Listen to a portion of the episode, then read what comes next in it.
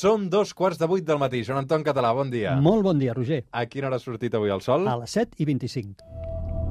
3, 2, 1, seganya!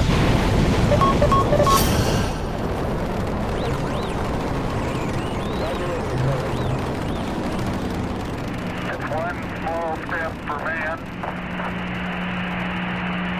one giant leap for mankind.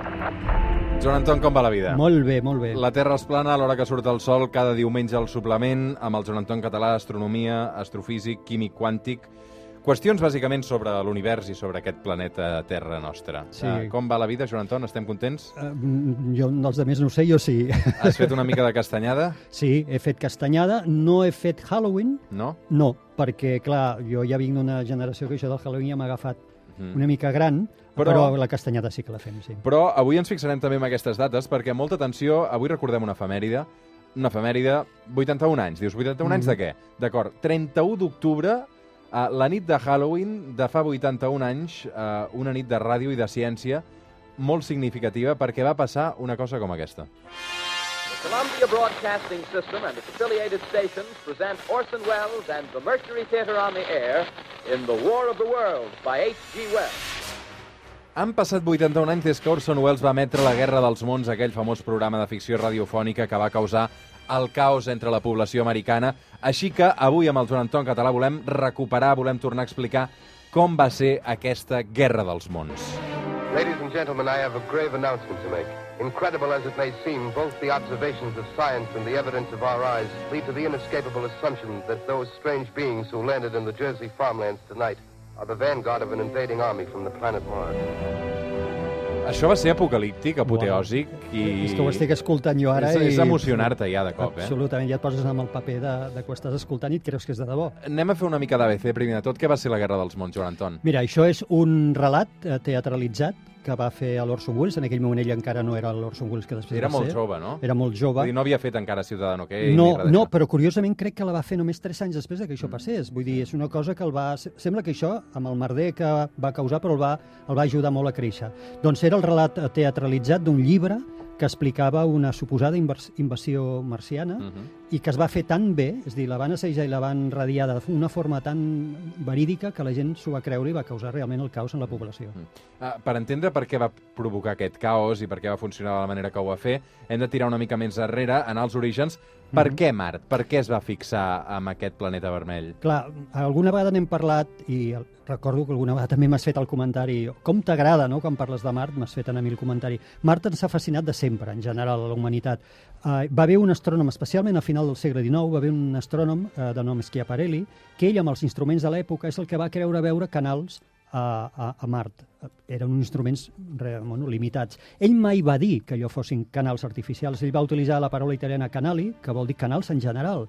Però els anglosaxons van traduir, eh, lamentablement, aquesta paraula com eh, canal en lloc de channel, que és l'altra paraula que ells tenen. I canal sí que té una implicació de cosa artificial, eh, un canal que algú ha fet. I allà és on va néixer la famosa febre dels canals de Mart. I a partir d'aquest moment es va generar una febre increïble a la població i, i fixa't que quan parlem dels marcians, ets un marcià, però l'arrel de la paraula, no? És a dir, estàvem, hi havia gent que estava convençuda de que Mart estava habitada. Mm -hmm. Tot això devia causar un rebombori important, eh, Mhm. tot aquest merder que va fer Orson Welles, no? Clar, eh, a més, com et deia, ho va fer molt bé, no ho van improvisar, ho van estar assajant. El- L'arrel o la font de tot això és un llibre que feia... Parlem d'aquest llibre. Quin llibre és aquest? Un, llibre de l'H.G. Wells, que havia fet eh, 40 anys abans, eh, en què explicava justament això. Era un relat, segurament el primer relat que hi ha així novel·lat d'una invasió d'un altre món, d'éssers d'un altre món, que explicava una invasió que hi havia a UK, al Regne Unit, per part dels marcians. S'observaven unes explosions a Mart i després arribaven objectes, asteroides, diríem, perquè eren naus, arribaven a la Terra i d'allà sortien éssers tremendos, venint de Mart, que inveïen i volien eh, tornar captius, fer captius als humans per alimentar-se de la seva sang. I finalment el relat doncs, acaba bé perquè aquests éssers són derrotats pels bacteris, per l'enemic més petit que pugui haver, uns bacteris que aquí són habituals però que aquests marcians no tenien immunitat d'una forma natural. No? I aquest era el, el relat original, la novel·la original, fixa't, a més la casualitat de que l'escriptor es diu Wells, de cognom. Mm. és una, absolutament una casualitat, no? I és el que després agafa l'Orson Welles en el programa de la CBS, que li ofereixen de fer una, un seguit de programes basats en, en obres famoses i agafen, justament per la nit anterior a la de Halloween, agafen aquesta invasió marciana. Era un programa molt modest, aquest que feia Wells. No tenia un duro. No, sembla que no tenien un duro perquè això, el Wells, l'Orson no era conegut, no era el, el que després va ser, i van començar quasi bé en una sabata i una espardenya. Tot i que tenien un, un conjunt d'actors, i com et dic, no improvisaven. I, I especialment per aquest programa sembla que el van estar assajant unes setmanes abans, la qual cosa també explica eh, l'impacte que van aconseguir fer amb ell. Clar, i tot això encara ho hem de posar més en valor perquè és que estem parlant del 1938, Joan Clar, Anton. clar. Clar, han passat 81 anys, Fixa-t'hi. eh? Sí, sí. En aquell moment els científics ja, ja deien que això dels canals de mar no... Però això eren els científics, que encara hi havia molta gent, molta gent eh, que, del carrer que pensaven que, que els marcians existien. La nit del 30 d'octubre del 1938, situem-nos just abans del dia de Halloween, per la ràdio de la CBS sona això. Ladies and gentlemen, we interrupt our program of dance music to bring you a special bulletin from the Intercontinental Radio News. At 20 minutes before 8 Central Time, Professor Farrell of the Mount Jennings Observatory, Chicago, Illinois, reports observing several explosions of incandescent gas occurring at regular intervals on the planet Mars. Clar, és que se m'està posant la pell de gallina. Aquí ja comença, aquí. comença a relatar la invasió alienígena, Sí, no? fixa't, i comencen per un concert, que és un su- suposat concert que estan eh, emetent en directe des de Nova York, i el butlletí de notícies interrompeix aquesta emissió per dir que s'han observat unes ex- explosions a Mart, segons informa un científic. El paper d'aquest científic l'interpretava l'Orson Welles en persona.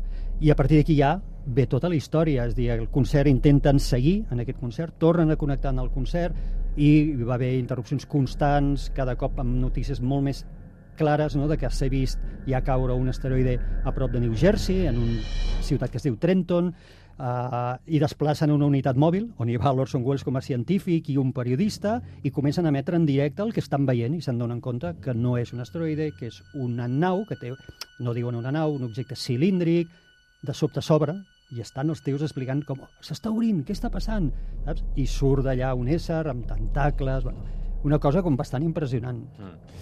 Uh, queda clar a l'inici del programa que s'està fent una ficció o no queda tan clar? No, jo penso que no queda clar. Jo me'l vaig escoltar, eh, òbviament m'he escoltat ara, eh, i, i la veritat és que no. Ell, ell fa una introducció tipus Halloween, eh, avisant del que vindrà, el que vindrà a continuació és una cosa doncs, teatralitzada.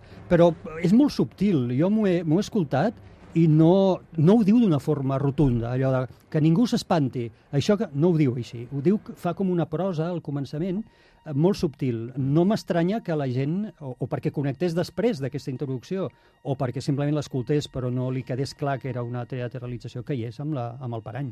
I després arriba la gran notícia, que és aquest meteorit caigut al poble de Grover's Mill, un meteorit que de fet és aquesta nau espacial. Exacte, fins i tot hi ha un moment que connecten amb el secretari d'Estat dels Estats Units. El de debò.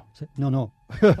no, no. Però el fan veure que és el secretari d'Estat i que és un missatge on li demana a la població que necessiten cohesió i estar units per fer front a aquesta invasió. Vull dir, està molt ben preparat. Què més passa després? Bueno, pots imaginar que hi ha guerra, que hi ha batalles on eh, l'exèrcit i les forces de, de l'exèrcit són destrossades, són derrotades per aquestes naus i fins i tot arriba a, a caure, a derrumbar-se, a derribar-se al mateix edifici de la ràdio, de la CBS. I un dels periodistes, aquest que va començar el programa, mor en aquesta explosió i segueix a l'Orson Welles fent el seu paper de científic que acaba eh, radiant o explicant el que, va, el que va passant. Tot ho va escriure el mateix Orson Welles basat en aquest llibre? Sí. Ho va adaptar ell? Clar, no sé si només ho va adaptar ell o va estar... No, de fet, ara recordo, va estar ajudat per un guionista. Va estar ajudat per un guionista, que és el mateix guionista que després va ajudar o va fer el de Casablanca, el, el, el guió de Casablanca. This is Orson Welles, ladies and gentlemen, to assure you that the War of the Worlds has no further significance than as the holiday offering it was intended to be. The Mercury Theatre's own radio version Clar, això va generar un rebombori, Joan Anton, Sí. un merder. Eh, la reacció del poble després de sentir aquest programa eh, va Clar. ser gran, no? Clar, perquè I aquest missatge que gent- acabem d'escoltar és el del final del programa, però hi ha molta gent ja és que no va seguir fins al final, ja van sortir als carrers. Ja estaven Sí. emigrant cap a Europa. Hi havia gent que sortia, per exemple, amb tovalloles humides a la cara per fer front al gas. Uh, hi havia, van col·lapsar les centrals d'emergència de molts llocs. Et pots imaginar a la ciutat de Trenton, que és on van decidir de basar in- el primer moment de la invasió, Uh, bueno, els efectes que això va tenir van rebre en aquell moment uh, 2.000 trucades en només dues hores, que per aquells temps era molt. Eh? Pensem que això, que fa 80 anys d'això. Va ser, els efectes van ser bastant, bastant notables. Uh -huh. uh, avui en dia, Joan Anton, sabem del cert que els marcians no poden venir a envair-nos perquè, en principi, uh, fins que no es demostri el contrari, no existeixen. No, exacte. Mart, de moment que sapiguem, només està habitat per robots. Tot i que ho continuem buscant. Vull Sí, dir, ens esforcem en buscar vida, però si la trobéssim, que tant de bo, no seria pas aquests uh, éssers amb tentacles. Joan Anton, si et sembla, uh, fem un breu repàs també de com està aquesta situació marciana, que és el que estem explorant en aquests moments. Doncs mira, eh, tenim en aquest moment un robot que segueix viu, que és el Curiosity, que ja està demanant que se'l jubili, pobret, va coix, té Alzheimer, ha perdut tres vegades la, la memòria, ja és vellet, i tenim eh, la InSight, que és una sonda que n'hem parlat alguna vegada, que no és un robot, en el sentit que no es mou, també de la NASA, que està explorant l'interior del planeta. Cap d'ells està especialitzat en la cerca de vida. Són geòlegs. Però l'any que ve, i aquesta és la cosa bona, enviem dos robots biòlegs, un la NASA, l'altre la ESA. I els xinesos havien anunciat, i ara han tornat a, a dir, que ells també n'enviaran un altre. Per tant, tindrem tres nous robots moderns d'última generació que arribaran a Mart a principi del 2021. Som al Suplement, som a Catalunya Ràdio, avui amb el Joan Anton Català recordant una efemèride que va passar 81 anys precisament uh, una nit de Halloween als Estats Units. Un senyor que es deia Orson Welles i que aparentment era una persona desconeguda, es va inventar la Guerra dels Mons. Marta Ferrer, bon dia i bona hora. Hola, bon dia. La Marta Ferrer, ja la coneixeu, de l'equip del Suplement, és la persona que fa possible que el Joan Anton Català també cada diumenge a aquesta hora ens desperti parlant de ciència, qui coordina tot plegat aquest espai.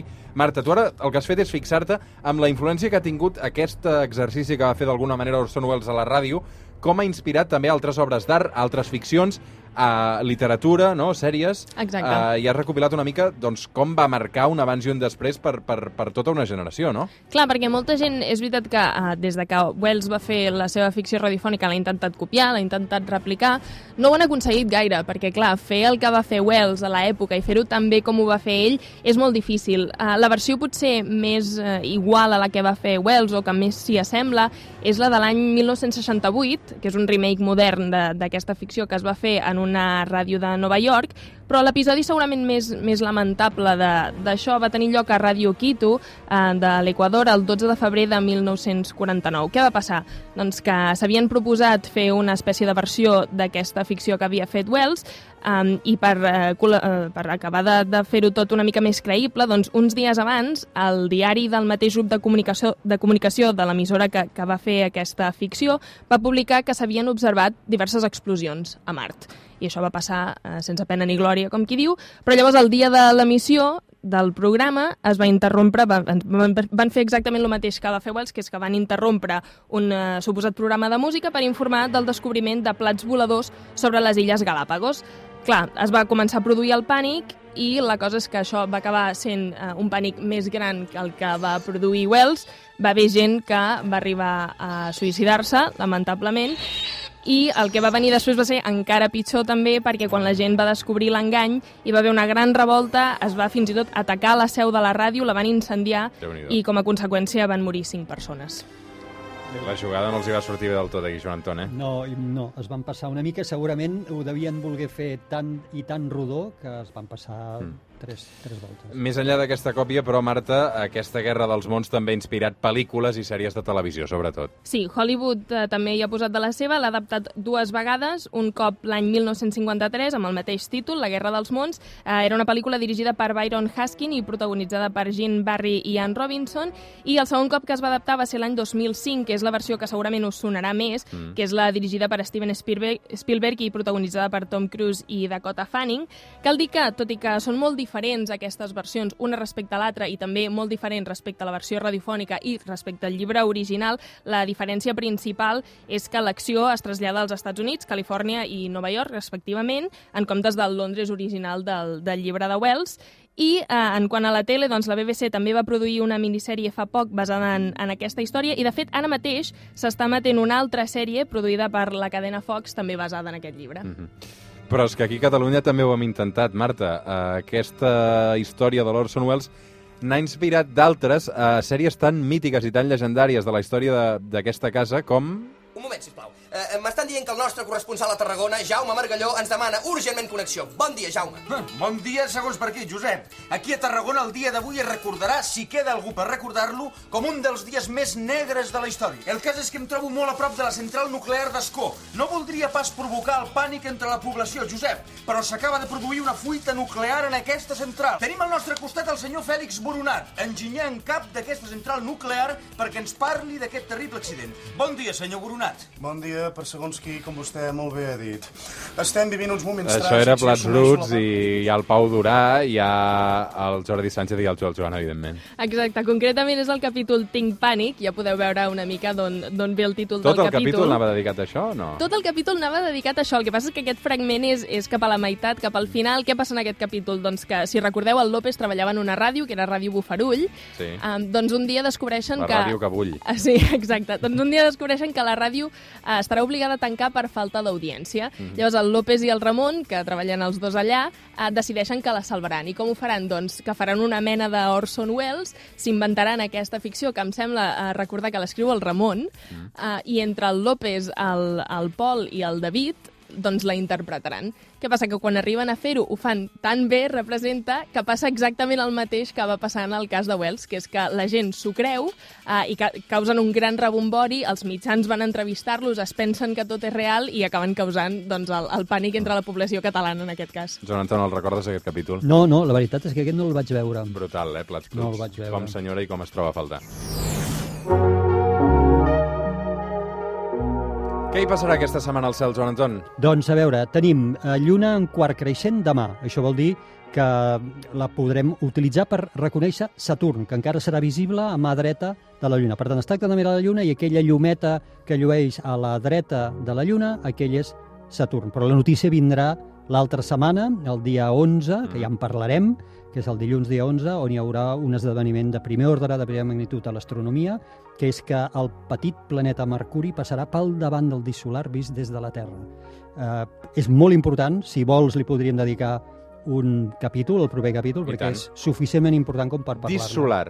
El disc solar passarà Mercuri pel davant. Això s'anomena el trànsit de Mercuri. Trànsit de Mercuri. Doncs un concepte que desconeixem i que diumenge que ve, si et sembla, podem afrontar, Perfecte. Joan Anton, que acabis de gaudir d'aquests eh, dies d'aquest diumenge, perquè això de la castanyada ja s'acaba, d'acord? Sí, igualment, gràcies. Fem una pausa i de seguida tornem al suplement. Moltes gràcies, Marta Ferrer. Fins ara!